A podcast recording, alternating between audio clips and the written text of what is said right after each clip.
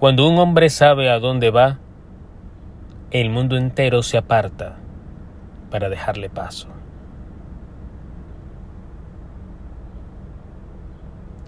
Esa gran frase nos hace reflexionar en la importancia de saber a dónde vamos, en saber cuál es nuestro destino. Por eso es importante tener claro cuál es tu propósito en la vida. Tener la claridad de cuál es tu visión, de cuál es tu misión. Tener claridad de la razón de ser. Porque en el momento que tú tengas claro y definido tu camino, tu destino, no habrá nada ni nadie que te obstaculice. Y como dice la frase, es más, el mundo se apartará y te dejará el paso libre de una forma metafórica, por supuesto. Porque más allá de lo que pasa en el camino, con obstáculos, con cimas, con baches, con problemas, con desafíos, conflictos, incertidumbres, riesgos. Todas esas situaciones las vas a tener en tu vida y en tu camino hacia tu destino.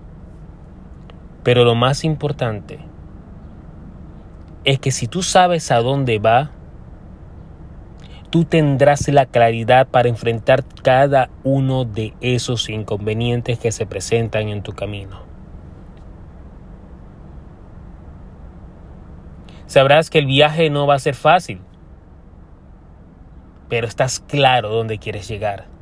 Está claro dónde quieres ir. Estás claro con el punto de tu destino. Y lo más importante en la vida es tener esa claridad, porque esa claridad te da paz, te da la serenidad, te da la confianza que necesitas de saber a dónde tienes que ir.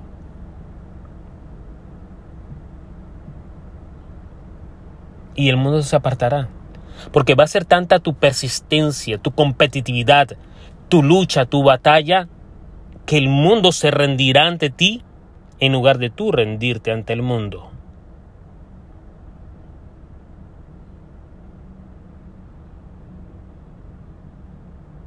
Cuando un hombre sabe a dónde va, el mundo se aparta para dejarle paso.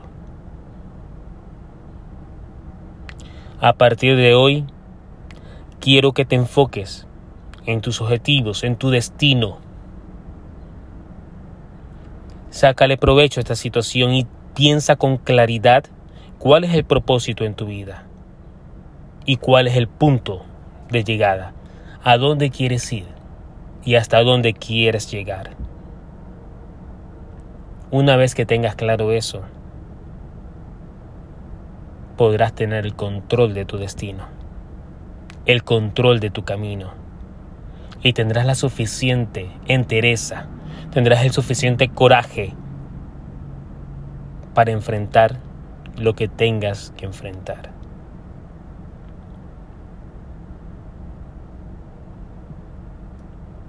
Cuando un hombre sabe a dónde va, el mundo entero se aparta para dejarle paso.